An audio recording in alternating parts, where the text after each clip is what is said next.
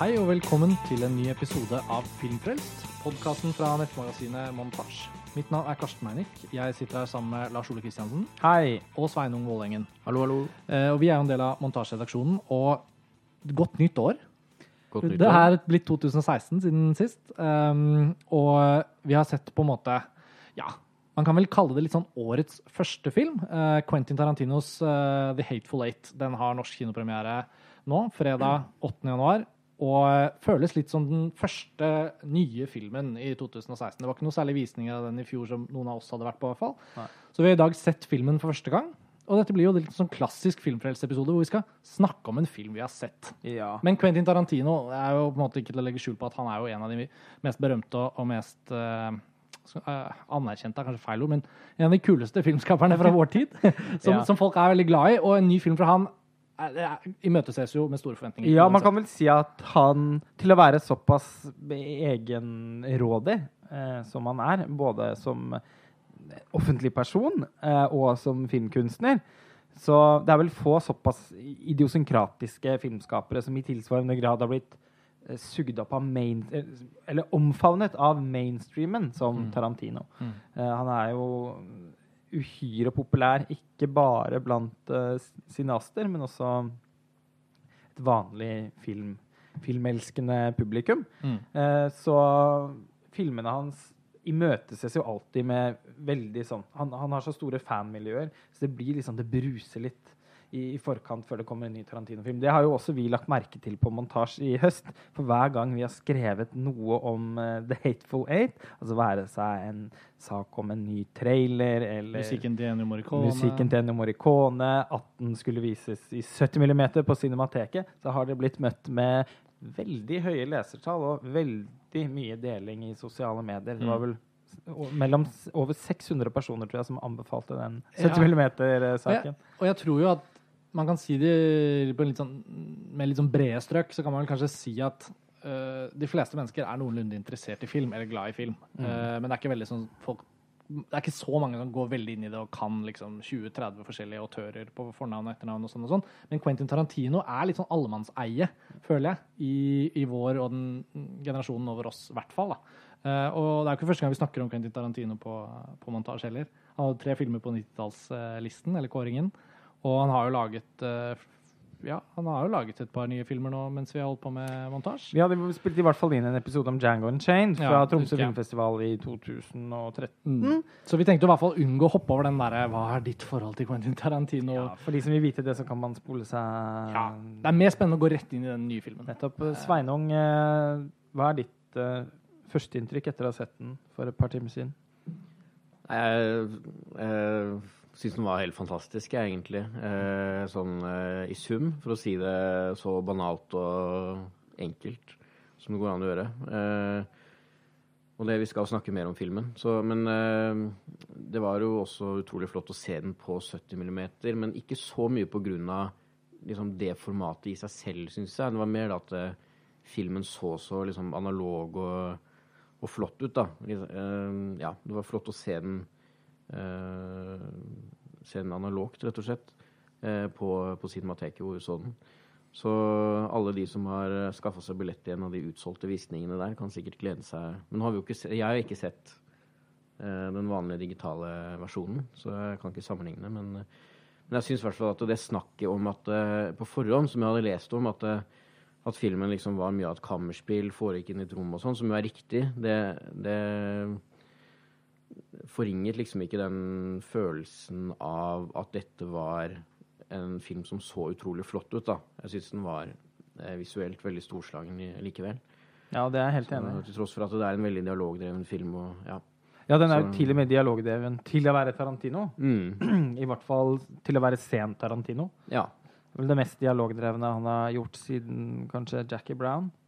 Ja. Mm. Og det kan vel også sies at dette er en film som ikke har Av settingen og av historien, så har den jo ikke så mange muligheter til å by på disse musikkmontasjene og, og liksom poplåter og, og den typen sånn eh, rammeverks, narrativt rammeverk som har gitt Tarantino mulighetene til å fleske seg med liksom sånn Og nå skal det være en transportetappe fra derfra til dit, så da skal vi kjøre en montasje med den låta, og sånn og sånn og sånn. og sånn. Og presentasjon av karakterer Ja, med navnet på Hugo Stiglitz. Nettopp. Nettopp, Ikke sant? All den lekenheten har på en måte ikke denne Det ville ikke ligget helt til denne filmens natur. Nei. Som gjør jo også at det blir enda mer sånn rent rom for prat, hvis man kan si det sånn. Den er jo mer, den er mer stilren enn eh, særlig Django Unchained, men også Inglorious Bastards, som jeg syns er en stilistisk helt praktfull film. Men den er definitivt mer, innfalls, altså den er mer innfallsrik, og den har en eh, den, den har en ambisjon om å være veldig mye på én gang, som jeg syns den lykkes, lyk, lykkes med. Eh, Inglorious Bastards minner jo for meg kanskje mest om Særlig etter å ha sett alle filmene igjen ganske nylig, så, så minner jo egentlig den for meg mest om det han holdt på med i Kill Bill. Eh, Django er en litt sånn Den har fortsatt vanskelig litt problem, Jeg liker filmen veldig godt etter å ha sett den flere ganger, men den har fortsatt litt sånn problem med å plassere i Tarantino-katalogen, egentlig. Mens denne her blir en veldig tydelig eh, Det er nesten som ja, Han går på en måte tilbake til start, til Reservoir Dogs, som jo må sies å være den filmen denne minner mest om. Ja, det tenkte jeg på både under filmen og rett etter. Jeg tenkte sånn Det er nå engang det. Det er periodeversjonen av Reservoir Dogs. Rett og slett. Mm. Den uh, har veldig Altså, strukturen ligner veldig. Den er et kammerspill. Man har åtte veldig tydelige uh, og veldig karikerte uh, karakterer eh, med noen nokså bestemte egenskaper som samles inn i et rom. Eh, på, No, noen av de samme skuespillerne òg. Michael Madsen og Tim Roth, i hvert fall. ja, og Tim Roth som i et Tarantino-comeback. Eh, det er lenge siden sist. Han er ikke Jackie Brown, er han det? Nei. Eh, nå, Nå Nei, han er ikke det. Nei. Nei. Nei. Så Mm. da er det ikke siden uh, Pulp Fiction, da, eller? Nei. Og Og, og den har eh, Men likevel, da, selv om den har såpass mange fellestrekk med Reservoir Dogs, så blir den også et veldig sånn man, man, Den viser også hvor langt Eller hvor mye Tarantino har utviklet seg som filmskaper på de årene som har gått. Mm. Altså eh, Den Den eh, Altså, på tross av at dette er et kammerspill, da, som Sveinung var inne på, så er det en visuelt svært virtuos film. Ikke bare fordi den er skutt på 70 mm. Nei, nei. Man skjønner hvorfor den er skutt på 70 mm. Mm. Ja, for det var egentlig det som var poenget mitt. At eh, når jeg leste noen anmeldelser, så fikk jeg inntrykk av at det Altså, man fremstilte det nærmest som at Tarantino bare hadde valgt 70 mm som en sånn derre PR-greie. Og at den egentlig ikke liksom fortjente det formatet i det hele tatt.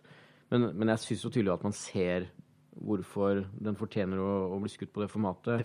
Og at Definitivt. ser Alt ser så uh, Altså kostymer, lys, alt liksom man, Alt i bildet eh, er bare så fullt av liksom, tekstur og sånn gjennomarbeida visuell Ja. følelse, syns jeg, da. Og, og med i dette så bredt som dette 70 mm-formatet er også, så har han også fått muligheten til å bake inn ufattelig mange detaljer i selve komposisjonene. Altså Robert Richardson, eh, den faste fotografen hans, leker seg med, med striper av lys og, og støv og ting. Altså, et bilde kan romme liksom egentlig tre små tablåer i ett. Mm. Og masse bruk av split diopter, mm. Brian De Palmas favorittvirkemiddel, som Tarantino åpenbart har lånt fra ham. Veldig elegant brukt her. En, eh, Og godt motivert. Og liksom, det, var, eh, det var gøy å se, for du ser lekenheten. Det var en masterclass i Ja. bruk av split diopter. Ja, Jeg tipper at uh, bestefar Brian uh, kommer til å nikke Nikke anerkjennende. Eh, men, den, men det er litt be, det er bemerkelsesverdig ved filmen, syns jeg, at den på tross av sin, sin sånn lukkede Konseptuelle, egentlig også. eh, den, den føles ganske konseptuell. Den har en veldig sånn lukket setting. Vi, det er, selv om det er noen sånn fantastiske vistaer av amerikanske vinterlandskaper, så er det forbløffende hvor mye vi oppholder oss inni denne, hva skal man kalle det? Haberdasheriet. ja. Uh, en slags saloon, eller? Ja. Gjestgiveri, kanskje. Gjestgiveri, ja. Mm. Uh, og og men, men, men den er da likevel utrolig liksom oppleves veldig vis virtuos Ja. visuelt. På Og- tross av det, det begrensede. Nettopp. Mm. Og det er imponerende i seg selv. Men det viser også hvor mye Tarantino har utviklet seg som filmskaper siden 'Reservoir Dogs'. Mm. Eh, I de to-tre første Tarantino-filmene så var det på en måte hovedsakelig dialogen folk Mm. eh, snakket om. Mens eh, i helt Særlig fra med 'Kill Bill' synes jeg, så har man jo også sett en filmskaper med eh, noen voldsomme ambisjoner eh, for det visuelle. Og og nå syns jeg det er på en måte Det er noe jeg i hvert fall personlig forbinder like mye med Tarantino som den fantastiske dialogen hans. Mm. Ja, men jeg, og, og for å ta over fra deg, da, Sveinung, så kan jeg jo si at jeg også likte filmen. Eh, jeg må si likevel at jeg syns dette er en typisk film hvor det, er, hvor det er på sin plass å si at dette er en Quentin Tarantino-film. Altså føler jeg at den nesten bare kan sammenlignes med andre Quentin Tarantino-filmer. Fordi sammenlignet med så mye annet som vi ser, så blir jo dette helt i en egen klasse. Også fordi det er så særegent, og fordi det liksom Den virtuositeten du snakker om, Lars Ole, den er det i denne kategorien, da, blant amerikanske filmskapere som jobber på et visst budsjett med, liksom, med visse rammer, så er det nesten Ja, det er ikke mange, da. Ja, Wes Anderson har et veldig veldig uttalt uh, filmisk univers som han dyrker og repeterer, og det elsker man at han gjør. Uh, man kan til en viss grad si at Paul Thomas Anderson måtte holde på med en greie, men han har samtidig helt andre kvaliteter igjen. Mye som ligger liksom bakenfor og under. Så det er liksom sånn Det er veldig sånn popkulturelt uttalte Tarantino-eske. Det får man egentlig bare av Quentin Tarantino i Quentin Tarantinos filmer. Som igjen gjør at jeg føler det er naturlig å plassere The Hateful Eight innenfor liksom, Tarantino-filmografien. Og jeg likte filmen, men jeg føler også at den er en sånn eh, midt på treet Tarantino-film. Det betyr jo ikke at jeg egentlig har så voldsom kritikk mot filmen, men det betyr at jeg føler at den mangler noen av de I hvert fall etter nå første gjennomsyn, og uten å ha måte, Den har ikke sunket inn over flere døgn, og, og vi har jo denne samtalen samme dagen som vi har sett filmen. Men samtidig så kjenner jeg litt at det er eh, det er en sånn grunnleggende ting som filmen mangler. Jeg føler at den ikke helt handler om noe. Hvis man kan si at Django Unchained uh, tidvis har ujevnheter og sånn, så er den en mer episk fortelling, og den foregår under slaveriet i Amerika, og den handler om en, en eh, slave som eh, frigjøres og frigjører sin kjære. Altså, sånn, det er veldig sånn, mye greier som skjer. Og Glorious Bastards selvfølgelig på samme måten. Kontrafaktisk historiefortelling, andre verdenskrig altså, sånn, Det bare pakkes på, da. Dette er en veldig sånn lite påpakket film. Den er kokt ned til beinet, og det er der også Reservoir Dogs-sammenligningen blir veldig gjeldende. da. Den på en måte bortenfor det å oppleve filmen som nøster opp sitt eget eh, premiss, på en måte. Eh, og, og på en litt sånn Agatha Christie-måte, liksom, hva er det som egentlig er greia her? Eh, og det gjelder jo også for Reservoir Dogs. Der er det jo det at Tim Roth er undercover, og det får vi vite på et tidspunkt i filmen. Eh, men når alt kommer til alt, så er det liksom det. Og så er det en shootout. Og så kan man jo si at eh, det er vel ikke en direkte shootout på den måten i Hateful Eight. Den er mer sånn sirupaktig at ting skjer lagvis og delvis. Eh, men jeg føler det er den beste sammenligningen. Og for meg er Reservoir Dogs en, en viktigere og bedre film fordi jeg har hatt den med meg siden jeg ble interessert i film. Og det er altfor tidlig å måle de to filmene opp mot hverandre fordi Hateful Eight fortjener å få lov å synke inn den også. Men jeg kan si på grunnleggende plan at jeg likte den, men at jeg ikke syns det er den beste Tarantino-filmen.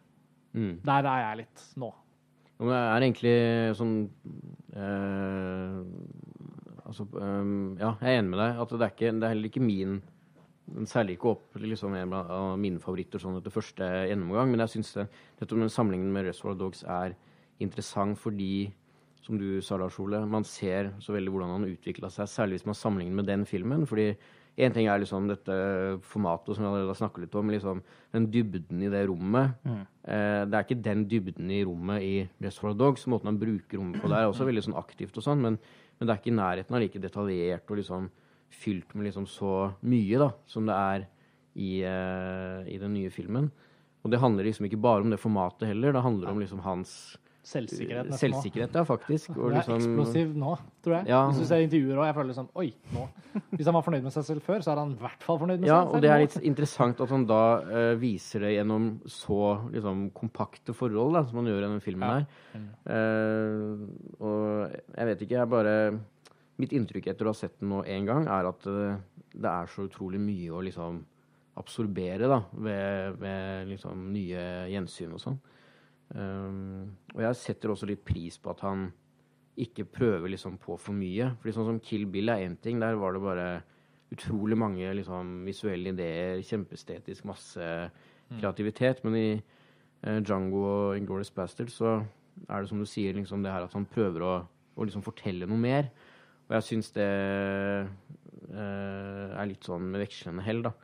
Uh, mens her så er han liksom tilbake til å bare lage en sånn rendyrket Tarantino-film. Uh, og det, ja, det er ting ved liksom plottet der og sånn som jeg kanskje hadde litt uh, vanskeligheter med å akseptere, men, men i sum så syns jeg det var deilig å bare se en sånn derre ja, litt mer reindyrka Tarantino-film igjen. Ja, for det er veldig rent, og det er en veldig kjepphøy film.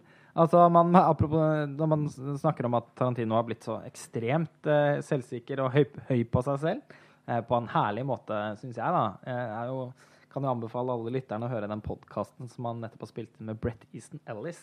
Det er to timer med veldig morsom eh, samtale om, om, om, film. Ja, vi har dessverre ikke Quentin Tarantino her i dag som gjest. Eh, det er bare å beklage. Men, men vi har faktisk Brett Easton Ellis med oss. Ja, velkommen. men, eh, eh, men, man kan merke det i filmen, nettopp fordi at det er også som Man kan også få litt en følelse av, for, av at Tarantino syns det er nok. Altså historiefortellingen her, som det virker som vi kanskje er alle er litt enige om at det ikke er filmens styr styrke, på en måte. Fortellingen føler jeg ikke Altså, måten han forteller på, er det jo Nei, nei, nei. nei, nei. Okay. det er jo det som ligger i bunnen. Historien. Rett og slett historien. Ja. ja, for den er veldig godt fortalt. Mm. Eh, i, og, ja. Men, men ja, altså historien eh, som ligger i bunnen her, er ikke veldig spennende. Og den er min, altså, betraktelig mindre ambisiøs enn en de to for, forrige filmene. Men eh, men det skaper også en, en renhet i denne filmen som ikke fantes i Django, f.eks. Som, Mm. som, som har en del rusk i seg. Her er det et, altså, Filmens uttrykk er så perfeksjonert, eh, og den er så detaljorientert, at eh, det er akkurat som om Quentin Tarantino også sier men dere må følge med. Følg med hva som skjer i bildet. Se hvordan jeg velger å fortelle det. Ikke bry dere så mye om hva som ligger i bunnen her. Han virker veldig uinteressert selv i innholdet. Og, og, og på, på en kjepphøy måte. Eh, eh, det er som om han forteller at jeg er en, jeg er en så fantastisk filmskaper at, at det er mer enn nok. Bare se, her skal jeg virkelig få muligheten til å vise hva jeg er god for. Og det morsomme er jo at jeg, ja, jeg er jo enig med Sveinung. Jeg syns han lykkes med det. da. Eh, jeg syns også det var egentlig en helt fantastisk filmopplevelse. Eh, klok av skade vet jeg at jeg alltid syns at Tarantino sine filmer blir enda bedre ved gjensyn. Er det noen av dem som har blitt dårligere? Nei, alle har alltid blitt bedre, for min del i hvert fall. Ja. Ja. Jeg hadde Da vi jobbet med 90-tallslisten Kanskje bortsett fra Pulp Fiction. Ja, det er morsomt. I hvert fall jeg opplevde det. eh, At en Pulp Fiction er en film som jeg holdt så høyt gjennom hele mitt liksom, filminteresserte liv. Mm. eh, som jeg tok et veldig sånn, konsentrert gjensyn med mens vi jobbet med 90-tallslisten. For det var jo veldig vanskelig å plassere den. Eh, og den hadde på en måte ikke havnet på toppen heller. Og da var det litt sånn OK, men hva er det? Hvor er det Pulp Fiction hører hjemme, da? Men det var jo en samtale om 90-tallet, ikke om Tarantinos filmer eh, isolert sett. Nei. Men uh, den hadde, ikke, liksom, den hadde jo ikke tapt seg per definisjon. Men det var noe med at den er også et offer for å så på en så voldsom måte være et produkt av sin tid. Ja. Mm. At den, den er vanskelig å rykke ut av det. Den er jo en film som foregår altså, Som på en tydeligere måte liksom foregår i samtiden. Og så som gjør at den Men Jeg Reservoir føler også- Dogs er også en kontemporær fortelling, men den er mye mer tidløs som, fordi den er så ren. Den er prøver ikke å være noe mer enn den er. Og det gjør jo ikke Pop Fiction heller, misforstå meg rett, men, sånn, men på grunn av at Pulp Fiction er, Og også hvordan samtiden tok den filmen opp i seg, Mm. så ble, fikk den en helt egen posisjon, på godt og vondt. da. Ja.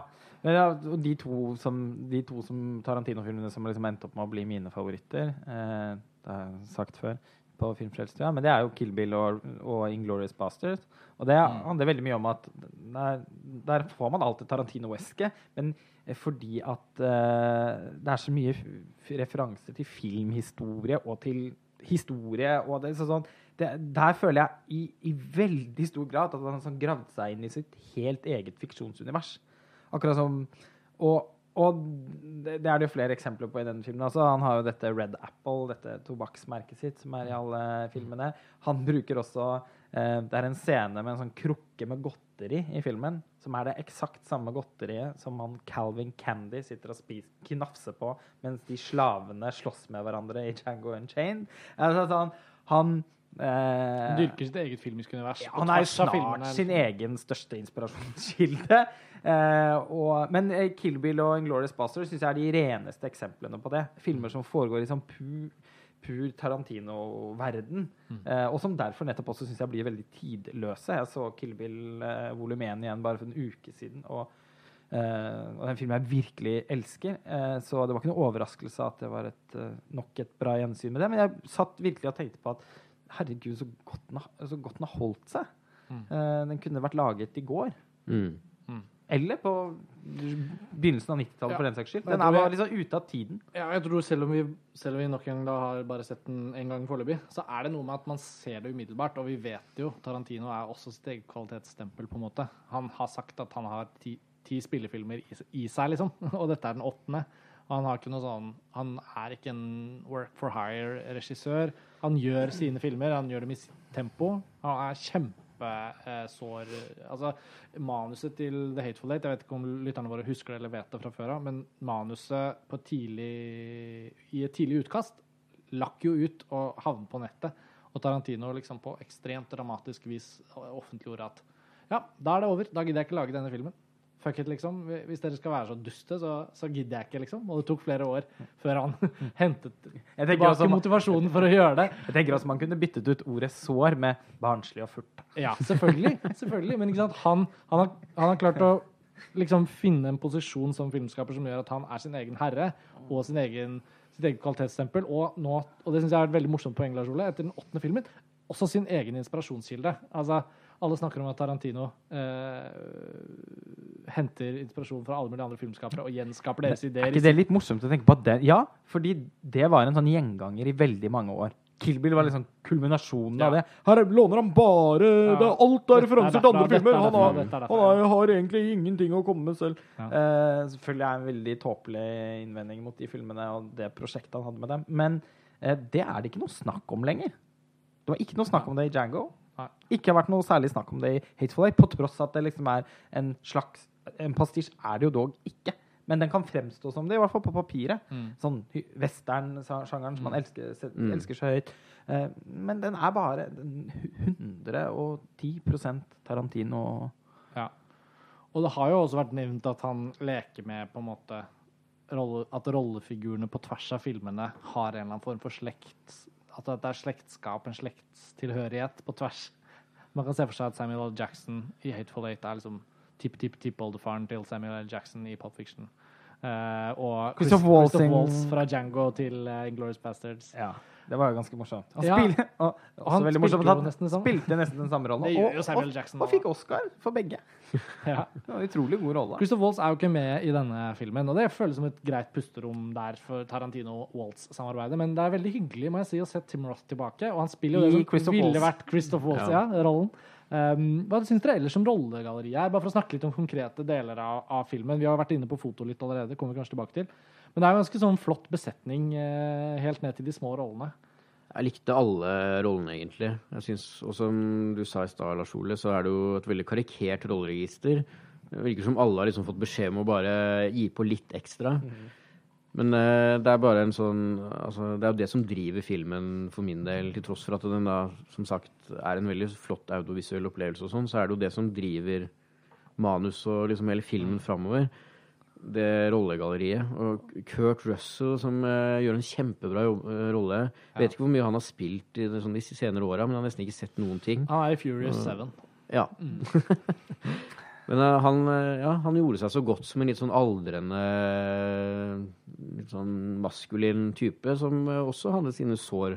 Ja, altså, ut fra trailer og ut fra forventningene til filmen, så var jeg faktisk veldig overrasket over, allerede i de første par scenene, at Kurt Russells rollefigur, han var liksom en sånn litt sånn Han prøver å gjøre det litt på sin måte, men ganske sår. Og det er noe han på en måte Han lures litt uh, av et element i filmen. Jeg tenkte kanskje Vi ikke, vi trenger kanskje ikke spoile Hate for late. Vi har ikke gjort det til nå. Jeg vet ikke om vi kommer til å trenge det, føle at vi trenger det eller ikke. Ja, hvis vi får behov for å spoile det, så varsler vi det. Men uh, foreløpig ikke, da. Nei. Eh, og Kurt Russell, de første par scenene med han, det at vi på en måte får, oi, får litt sånn hjertefall, litt sånn Oi. Han tror han har veldig kontroll, men man begynner å ane med en gang at ja, OK, det begynner å bli litt for mye for han allerede når passasjer nummer to Skal liksom opp i den Mm. eh, diligensen og bare Eller hva heter det? Eh, Stagecoach. stagecoach, ja. Hva er det norske ordet for det? Det er vel diligens. Ja, ja, det er diligens. Jeg trodde jeg plutselig sa ordet for sånn derre Du vet sånn manuell ting på togskinnene som man Eh, Hva heter det igjen, da? eh, Sånn som i Oh Brother Where Art Thou. sånn de, ja, vi trenger ikke finne ut av det nå. En Men sånn noe med sin? Dressin. Dressin, ja. Ser du? Diligens og dressin. Ja. Det er sånn Lucky- Diligensen det er vel også den norske tittelen på stagecoach til eh, John Ford. Morsomt. Det er eh, Lucky Luke-blader som liksom blafrer nå i bak i hukommelsen min. Quentin Tarantino har for øvrig liksom eh, vært Han sier jo så mye rart oppi alt det kule og treffende og morsomme han sier. Så I sier han også en del, intervjuene, ja, ja. sier han også en del merkelig ting, blant annet at han hater John Ford. Og liksom understreket at han absolutt ikke er inspirert av han. Men har ikke dette noe sammenheng med at Tarantinos selvtillit er altså på vei til å renne ut av glasset? Liksom? Det er jo, han er, jeg jeg syns det er gøy. Jeg synes det er underholdende med Tarantino. Bare det at han skal lansere en film og har så mange intervjuer, og det er gøy å lese. det er jo en del av festen hver gang. Det er gøy å lese Tarantinos meninger om andres filmer. Ja, alt, ja, alt ja, Men han er, nå er han såpass liksom høy på seg selv at han klarer nesten ikke å si noe pent til favorittregissørene sine lenger. Det blir sånn eh, Nei, han, har også i en eh, ja, han har jo da ikke bare denne, gjort denne podkasten med Brett Easton Ellis, men Brett Easton Ellis har også gjort et veldig langt intervju med han, som man kan lese i sin uredigerte versjon på Brett Easton Ellis sine hjemmesider. Og der fremkommer også at, uh, at, uh, Brian, at, at Tarantino f.eks. syns at Hitchcock er veldig overvurdert, og at han ikke kan utstå enkelte av 50-tallsfilmene hans. Because they have the stink of the 50s. Altså, han Ja, men altså han, øh, men, øh, men jeg syns i alle fall at det var forbløffende, da, dette hatet mot John Ford. Samtidig så er det jo øh, er det jo spagetti-westernsjangeren som man alltid har løftet fram som en Mm. sentral inspirasjonskilde. Mm. På den måten trenger ikke være så overraskende. rene, gamle westernfilmer. Ja. Jeg føler ikke at dette er en westernfilm helt ordentlig heller. Eh, Mange hadde vel kanskje også sett for seg at det skulle bli veldig mange sånne Leone-vistaer Ja, og sånn. for det er jo ikke sånn i det hele tatt. Men, altså, de er jo bakt inn i filmen, Ja men nesten liksom pliktskyldigst. Det er øh, mer sånn kaste ut noen bilder Ja. her og der. og de er veldig flotte. Ja, ja. Altså, eh, det er jo ingen tvil om altså, Hvis det ble misforstått i stad jeg- Dette er jo en helt soleklar anbefaling på sånn grunnleggende plan. The Hateful Eight føles som en sånn opplagt anbefaling eh, nå i starten av året. Det er januar, og det er kaldt ute. og Det er bare å komme seg Det på er kino. veldig Det er ikke- kaldt inne òg. Ja. Eh, det er jo veldig mye sånn snøføyk i filmen. Ja. Eh, Uling og uling av vind og Ja, altså man føler virkelig kulde på kroppen. Og det jeg satt i salen og tenkte Er grunnen til at jeg fryser så fryktelig, er det fordi Filmen er kald. er så, virker så tett eh, altså sånn Du husker, kanskje, du husker kanskje det der litt Men- sånn varme blaffet som når du åpner en komfyr som kom fra lerretet i Glorious Bastards når hun satte fyr på den. mhm. Ja, ikke sant? Så det er faktisk en sånn 4D-effekt. Men jeg gikk ut i luften, så så han får det til. ja, Han gjør det. Altså Nei, jeg tror også det var ganske kaldt i salen. Ja, det var det. Det er en veldig kald Forårsaket av at det er helt eksepsjonelt kaldt ute. Eh, på denne dagen hvor vi tar opp denne podkasten, så er det veldig kaldt i Oslo. Og det er til og med litt kaldt her på kontoret vårt, selv om vi har skrudd på alle varmeovnene. Men fra temperaturer til eh, noe helt annet. Men det er faktisk noe som altså hvis vi skal, eh, Så ikke dette bare blir en digresjon. Hvis Ja. man skal knytte opp mot filmen, syns jeg faktisk det var eh, Godt gjengitt.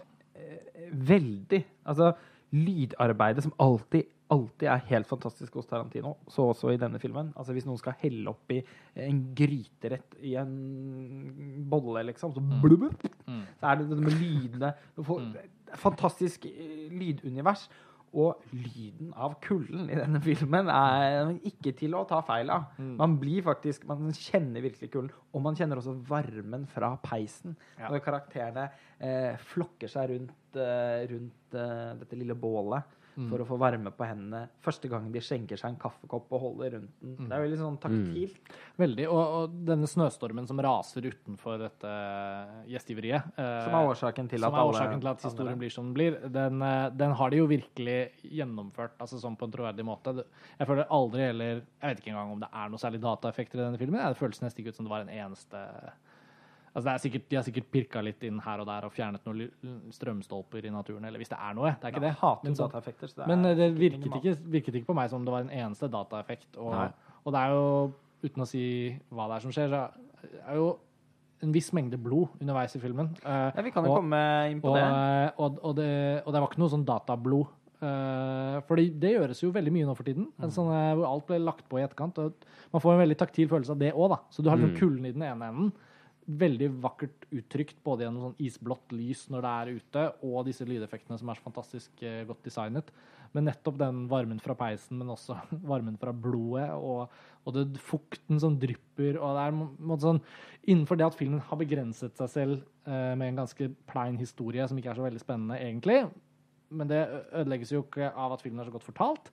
Og, og det at han har brukt dette rommet, så er settingen, og fylt det, sånn som du snakket om i Lars når vi kom inn på foto, det er jo det filmen er. Mm. Og jeg regner med at kanskje det er det som vil ligge i den andre- og tredjegangsopplevelsen av filmen, er at man slutter å tenke på at den historien er så viktig. Så egentlig bare sitter og nyter opplevelsen av å se filmens verden, på en måte. da. Mm. Jeg tror det blir å, å gå på oppdagelsesreise i, i filmens uh, visualitet, og i dialogen, da. Og i karakterene også. Ja. Hvordan de uh, ter seg, og hva slags baktanker de har. Og, mm. For det vil jo nødvendigvis bli en annen opplevelse andre gang. Det Fordi det. det han, man får vite en del ting om, de, om karakterenes bakgrunn og motivasjoner ganske sent i fortellingen. Som, gjør, eh, som nok vil kaste et ganske annet lys på særlig det på en måte Agatha Christie-elementet med fortellingen. når man ser den igjen. Så det blir spennende. En annen ting som alltid er gøy å oppdage hos Tarantino, som er vanskelig å catche ved første gjennomsyn, det er alle detaljene, ordspillene i dialogen. sånn. Det skal også sies at eh, versjonen som vi så, altså 70 mm-versjonen på Cinemateket, som vi jo da intenst anbefaler alle å gå og se hvis det fortsatt finnes noen billetter. Ja. De setter jo nå opp nye visninger hver Ja. dag, da. Ja, men det er de aller siste nå. uh, per i dag. øh, det, I dag er det 6. januar. Sluppet tre til i dag, tror jeg. Ja, den podkasten kom vel ut noen dager etter det igjen. Så Ja. jeg ser vel for meg kanskje at det fortsatt vil være for det meste utsolgt. Men jeg, hvis det er noen lyttere som har lyst til å gå og se 70 mm-versjonen på Cinemateket i Oslo, så gå inn på Cinematekets sider og sjekk om det finnes noen billetter på noen visninger. For det kan hende det finnes noen få billetter igjen Mm. uh, når dere hører på dette. Men eh, det skal nok sies at DCP, altså den digitale versjonen som går på vanlig kino, jeg tror ikke det blir noe dårligere filmopplevelse i seg selv. Men det var en ganske sånn var veldig fin eh, ramme rundt 70 mm-kopien. som Sveining på, altså følelsen av liksom, det analoge uttrykket, det var, det var virkelig spesielt. Det var en fantastisk bra visning. Og med overtyren og intermission. Det, altså. og den filmkopien som ble vist uh, i dag i Oslo, er den som skal vises på Cinemateket. Det er jo bare én kopi, Mm. og dette var den første gangen den kopien ble vist.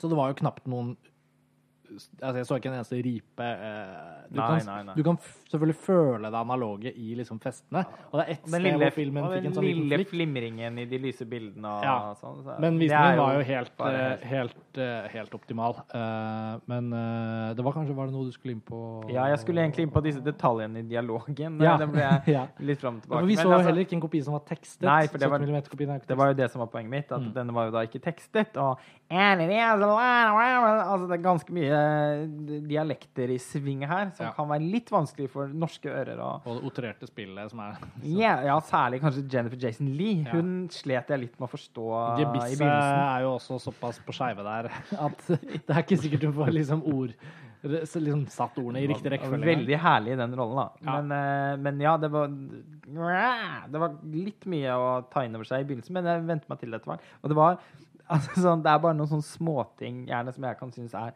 Dette var jo da også en pressevisning, så det er sånn at nesten ingen ler. Og jeg syns det er veldig forstyrrende, fordi jeg klarer ikke å ikke le selv når jeg synes noe er morsomt. Så da får jeg følelsen at jeg blir flau over at jeg ler hver gang jeg ler. Så tenker jeg, men det er jo poenget at vi skal le, for det er jo morsomt! Men eh, det var masse sånne småting som jeg koste meg veldig med. Liksom, uttrykket 'those frozen fuckers' og 'the door is a whore' og uh, Altså 'cut off my legs and call me shorty'. Og det var masse sånne småting Ja. som, som jeg vet at det er mer av. ja, og de kom jo Eh, på perle på en snor. Det, er liksom ja, det, var, sånn det var så mye av det, så det, det blir umulig sa sitte det i stad, huske. dialogen er jo tett, og det er jo nesten ikke et stille øyeblikk i filmen. Eh, bortsett fra helt i starten, egentlig. Så det er mye å ta der. Det er det. Eh, og gjensynsverdien den ligger jo på mange plan. Jeg mener, Den blir nesten sånn parodisk å si det igjen, men, men, men det, det ser man Hvis man aldri har sett en Tarantino-film før, og går og ser denne filmen, og ikke tenker på at det er liksom Quentin Tarantino, men bare ser en film, Mm. så tror jeg selv en helt normal tilskuer som ikke har det referanseutgangspunktet, vil jo merke at wow, dette var liksom Her var det tett i tett med ting. Det er mye å se på, det er mye å høre. Uh, og det er egentlig det som er minst da, er jo egentlig en historie. Så sånn sett så er det jo ofte sånn Jeg klarte ikke helt å følge med på historien. Ja, det er ikke noe problem her. Nei, for det er, det, det, er litt Kanskje sånn intrigen litt, for det er så mye setup i starten. Men det er, på, det er en ren stiløvelse.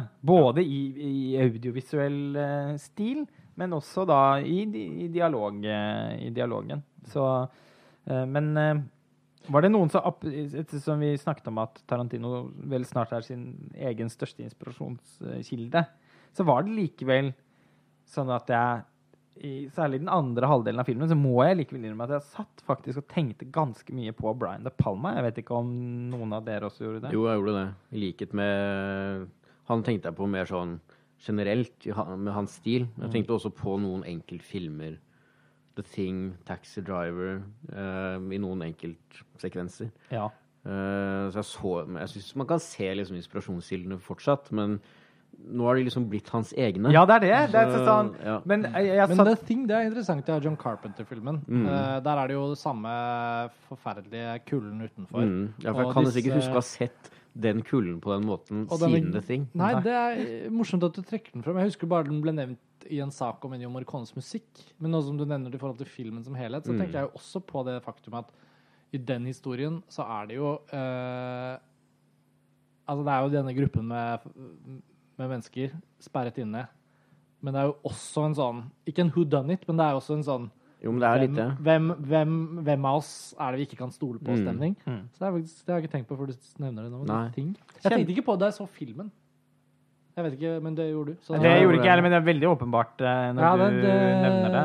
Mm. Og Kurt Russell og musikken. Fordi Ja, han, Russell, da, han har jo også brukt da, utdrag fra den for, forkastede eh, musikken til The Thing. Ja. Men var det sånn at du klarte å spotte det? Jeg vet at du er veldig fan av både Carpenter og The Thing. Sveinung. Klarte du litt å spotte den musikken? Eh, ja, det kunne jeg. Ja, det jeg. Mm. Men, men det som er at eh, Ja, men, men det er, var et av de store temaene i, i, i musikken. Men det som er at det soundtracket er jo veldig Altså lyden av det er jo veldig annerledes enn den musikken som endte opp i filmen. Ja, for det er jo synt. eh, Ja, ikke sant? Det er vel et av Marikones ytterst få syntforsøk. Mm. Nå snakker vi om The Thing. Ikke sant? Mm. Ja. Mm. Det ble jo carpentifisert. Det ble det. Rett og Og slett. med veldig hell, syns jeg. da. Ja, det er fantastisk. Men det er ikke mye synt i The Hateful Eight. Nei, det er det ikke. eh, Det minner mer om The Untouchables. Ja, og det er faen meg deilig å høre et Ennio Morricone-score igjen. Altså, ikke det at det går så sjelden mellom dem hvis man ser litt gammel film, men, men jeg mener at han originalkomponerer et score til en så stor og profilert film. Og det er så jævlig fin musikk som det er. Unnskyld, nå banner jeg mye, men det Wow. jeg Det gjør de i Tarantino sine Jo, filmer også, det er greit. Ja, greit. Skulle gjort en sånn temapodkast hvor vi bare banner, så det Ja. Mm. Uansett, eh, musikken til Morricone er enda en av styrkene i The Hateful Eight. Eh, jeg merker jo også mens vi snakker om denne filmen, så, så er det jo ikke sånn at jeg har jo egentlig ikke noen spesifikke liksom, innsigelser som jeg syns er dårlige med filmen. Nei. Så bare for å kommentere det en gang til. Hovedinnvendingen min er bare rett og slett det at den i sin begrensethet, i det at den liksom bare er det den er, så føler jeg også litt at den ikke bretter seg ut på slutten. Noen av filmene hans føler jeg liksom har så mye at når jeg går fra dem, så er det sånn eh, Så jeg egentlig hele denne filmen? Det må jo være masse å tenke på og føle på og liksom forholde seg til. Jeg føler ikke det på den helt samme måten med Hateful Eight. Den, den er mer sånn at når filmen er ferdig, så har den liksom lukket seg, og så ser den ut som en hel ting. Og så tenker jeg sånn, der er den. Jeg har Hateful Eight mellom hendene mine. Den kommer ikke til å endre seg så veldig mye. Nei. Altså, Det er, ikke så mange, det er ikke noe sånn lappeteppe man må sy sammen her. Eh, Den er, veldig, den er så kompakt, Mm. og den er så perfeksjonert. Og det er noe av det jeg setter mest pris på med filmen. Mm. og etter å ha liksom måtte tygge en del, på, særlig på Django Unchained, eh, måtte jeg ta ganske mange runder med før jeg likte den sånn skikkelig. Eh, og så likte jeg den jævlig godt til slutt, da. Men, eh, her, men det var veldig deilig, syns jeg, at det var så formfullendt. Mm. Men det må være lov å, å, å kunne si at uh, filmen hadde ikke blitt svakere av en, en fortelling der litt mer sto på spill. Og jeg tenker at hvis jeg, hvis jeg komme med en reell innvending mot filmen, så er det at jeg kanskje ble litt underveldet av Ut ifra hva jeg hadde forventet på forhånd, så ble jeg kanskje litt underveldet av at han ikke klarte å bygge opp en sterkere grad av suspens. Eh, Ja, vi minnes jo f.eks. kortskallesekvensen i Inglorious Bastards, som på et tidspunkt er så intens at du nesten ikke klarer å se på. Mm. Eh, eller besøket til Hans Landa i begynnelsen av Inglorious Hos Bastards. melkebonden. Hos Mm. May I have another glass of your delicious milk? Mm. Eh, hvor Tarantino klarer også liksom dra ut tiden på en sånn helt fantastisk eh, måte. Mm. Eh, som, i, som også eh, Altså, en av hans husguder, da, Brian De Palma, også Mm. er en mester på å gjøre. Eh, for filmen har virkelig potensial til det. Eh, i, ganske mange, I ganske mange deler av filmen, også den første halvdelen, Ja. hvor man skal liksom hvor han skrur på kokeplata og begynner å la det eh, Putre. putre. Eh, men han lar det aldri liksom eh, det, det, Man kjenner aldri at man sitter sånn på kanten av setet. Nei. Og det kunne han ha fått til. Jeg forundrer meg litt over at han ikke har forsøkt å gjøre det mer. Jeg Mm, tenker også på det mm. flashback eh, eh, ganske sent i filmen, hvor det foregår en slags sånn massaker inne på Nå husker jeg ikke hva det heter. dette. Minis haberdashery. Haberdashery. Jeg vet ikke Jeg mener å huske at du også nevnte noe etter visningen, Sveinung. At du syntes at det var noe litt underveldende over det flashbacket. Ja, eh, ja, i hvert fall syns jeg at det, det var noe med måten filmen da skulle liksom snurpe sammen historien på, som ble litt for eh, Altså hvor det hele stammer fra, på en måte. Mm. Som ble litt for enkelt uh, for meg, på et vis. Det ble litt for Ja, som du sa, Karsten, jeg syns det er fint sagt da, at filmen liksom lukker seg litt. Eh, jeg skal komme med et, en veldig rar sammenligning, men eh, det er litt som med Shutter Island for meg og Scorsese. Eh, at når eh, historien da på slutten eh, liksom blir snurpa sammen og Avklart. og avklart, rett og slett, så er det litt sånn at man sitter igjen og bare Å ja, det, var det, liksom. Man er ferdig. Eh, men i likhet med, med Shutter Island, da, så har jo også Hateful Eight så mange liksom, visuelle og fascinerende elementer ved seg at den, det liksom blir spennende å se den igjen uansett. Mm. Men det ville liksom ha gjort at filmen løfta seg enda Ja, takk. den hadde, Den hadde ikke hatt vondt av et siste løft. Nei. Og den hadde- hadde hatt godt av en litt kanskje modigere bruk av ellipser Mm. knyttet til hvordan ting henger sammen. Utelatt noe. Og den hadde ikke dødd av en liten sånn derre Inception Nei. For i det siste bildet så føler jeg også at det er potensial for å skape noe usikkerhet. Eh, og der følte jeg ikke på en eneste form for usikkerhet, på en måte. Jeg følte virkelig at filmen var ferdig sånn. Mm. Ja, som en pent pakket inn julegave. Sånn.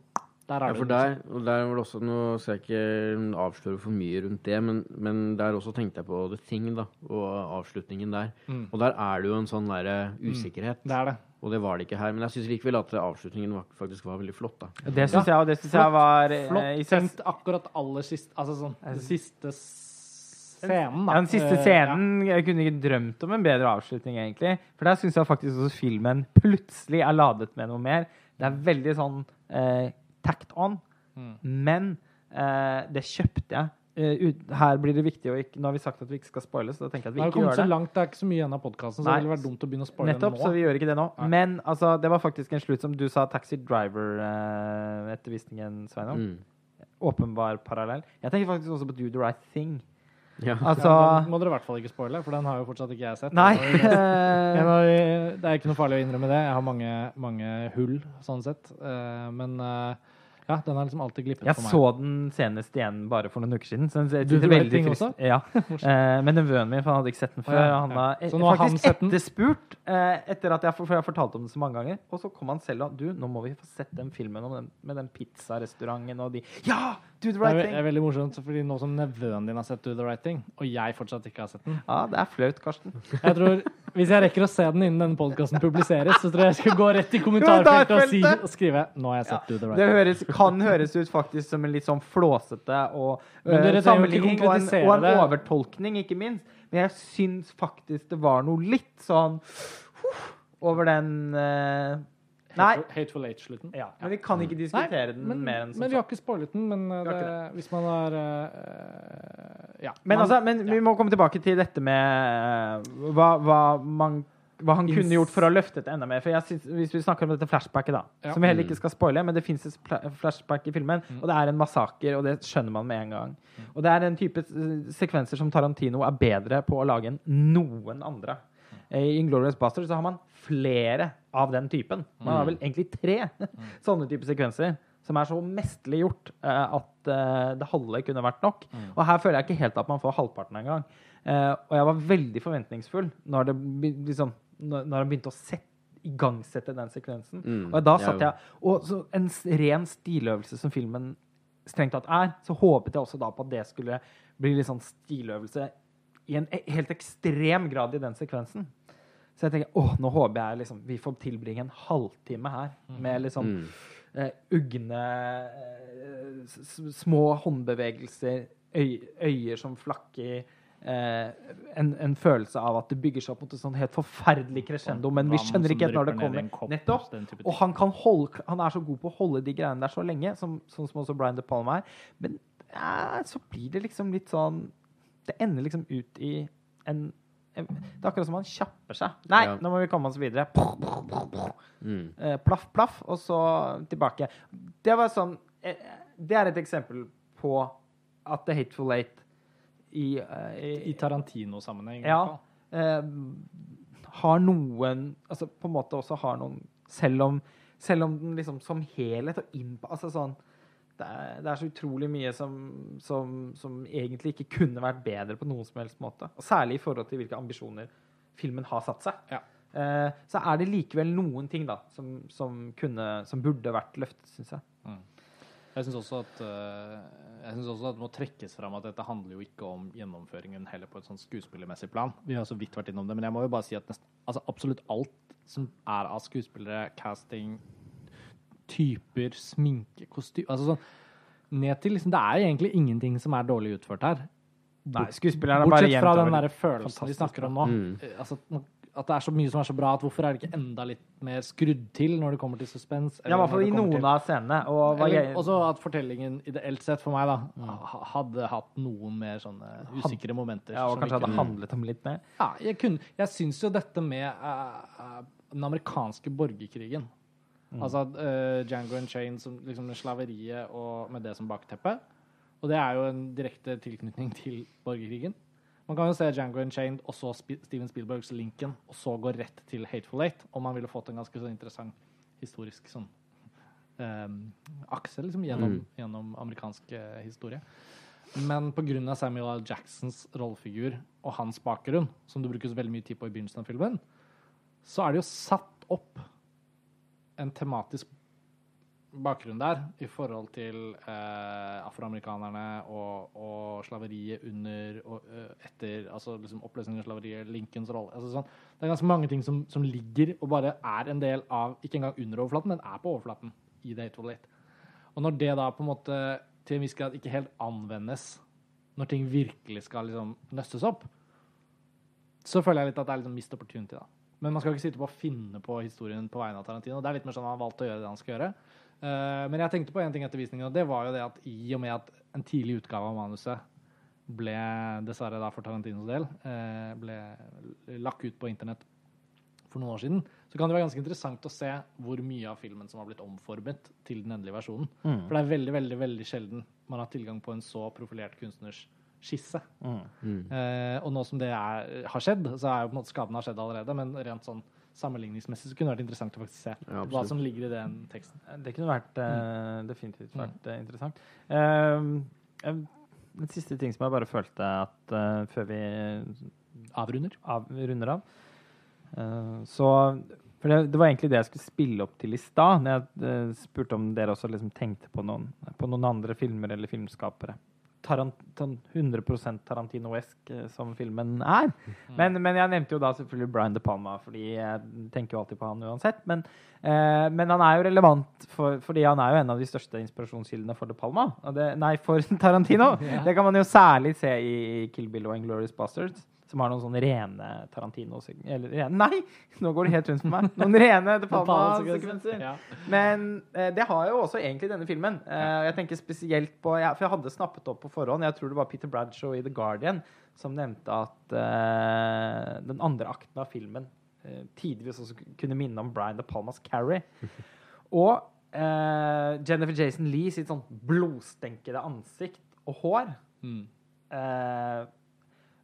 Eh, ser jo veldig ut som Carrie. Det kunne vært en ren tilfeldighet. Men filmsekvensen har eh, en sånn bruk av slow motion kombinert med eh, en sånn følelse av en sånn katastrofe. Mm. À la bøtten med griseblod i Carrie. Mm. Som gjorde at jeg faktisk tenkte at sånn han, og, jeg, og Carrie er jo en av top, Tarantinos topp ti favorittfilmer eh, så, gjennom tidene. Så han må ha tenkt på Carrie i, denne, i den sekvensen. Og jeg syns det var en veldig fet bruk av slow motion. At han også valgte å Slow motion på lyden. på- ha slow, slow motion på lyden, som på en måte Det kunne vært veldig corny. Eh, Det er også på en måte veldig corny, men jeg syns det funka. Uh, og det, det, det, jeg syns det bidro til at de sekvensene faktisk fikk en litt sånn marerittaktig feeling. Mm. Som filmen ellers kunne trengt litt mer av. Ja, jeg er enig. Men der var det noe Der var det noe Carrie, rett og slett. Mm. En referanse som jeg aldri hadde forestilt meg før Nei. jeg, jeg leste den eh, anmeldelsen i The Guardian, i hvert fall. Eh, Det er nok ingen tvil om at The Hateful Eight uh, vil bli snakket mer om uh, gjennom ukene og månedene som kommer. Uh, filmåret 2016 har i hvert fall startet med et smell. Eh, 70 mm Kopien er i Oslo. Den er på Cinemateket.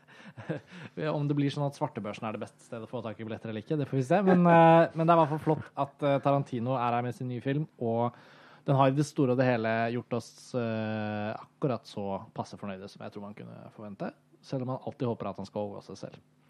Det men, og, men på å, å, Ja, men det skal Vi har bare sett den én gang. Ja, Tarantino sine filmer pleier å vokse. Jeg synes det, Som et, som et førstegangs gjennomsyn så syns jeg egentlig for det meste at det var ganske overveldende. Så jeg har stor tro på at denne filmen kommer til å stille ganske sterkt når, når filmåret 2016 skal oppsummeres. Du hopper dit allerede. jeg hopper dit allerede, jeg. Jo, men det, det kan også la seg merke liksom, om hvorvidt man har lyst til å se en film igjen med en gang. Ja, det er ikke det- så mange filmer som har den effekten. Nei, jeg kunne godt ha sett den igjen nå. Jeg også. Ja, Og de tre timene føltes som 1 time og 40 minutter, kanskje. Ja. Syns de føk av gårde.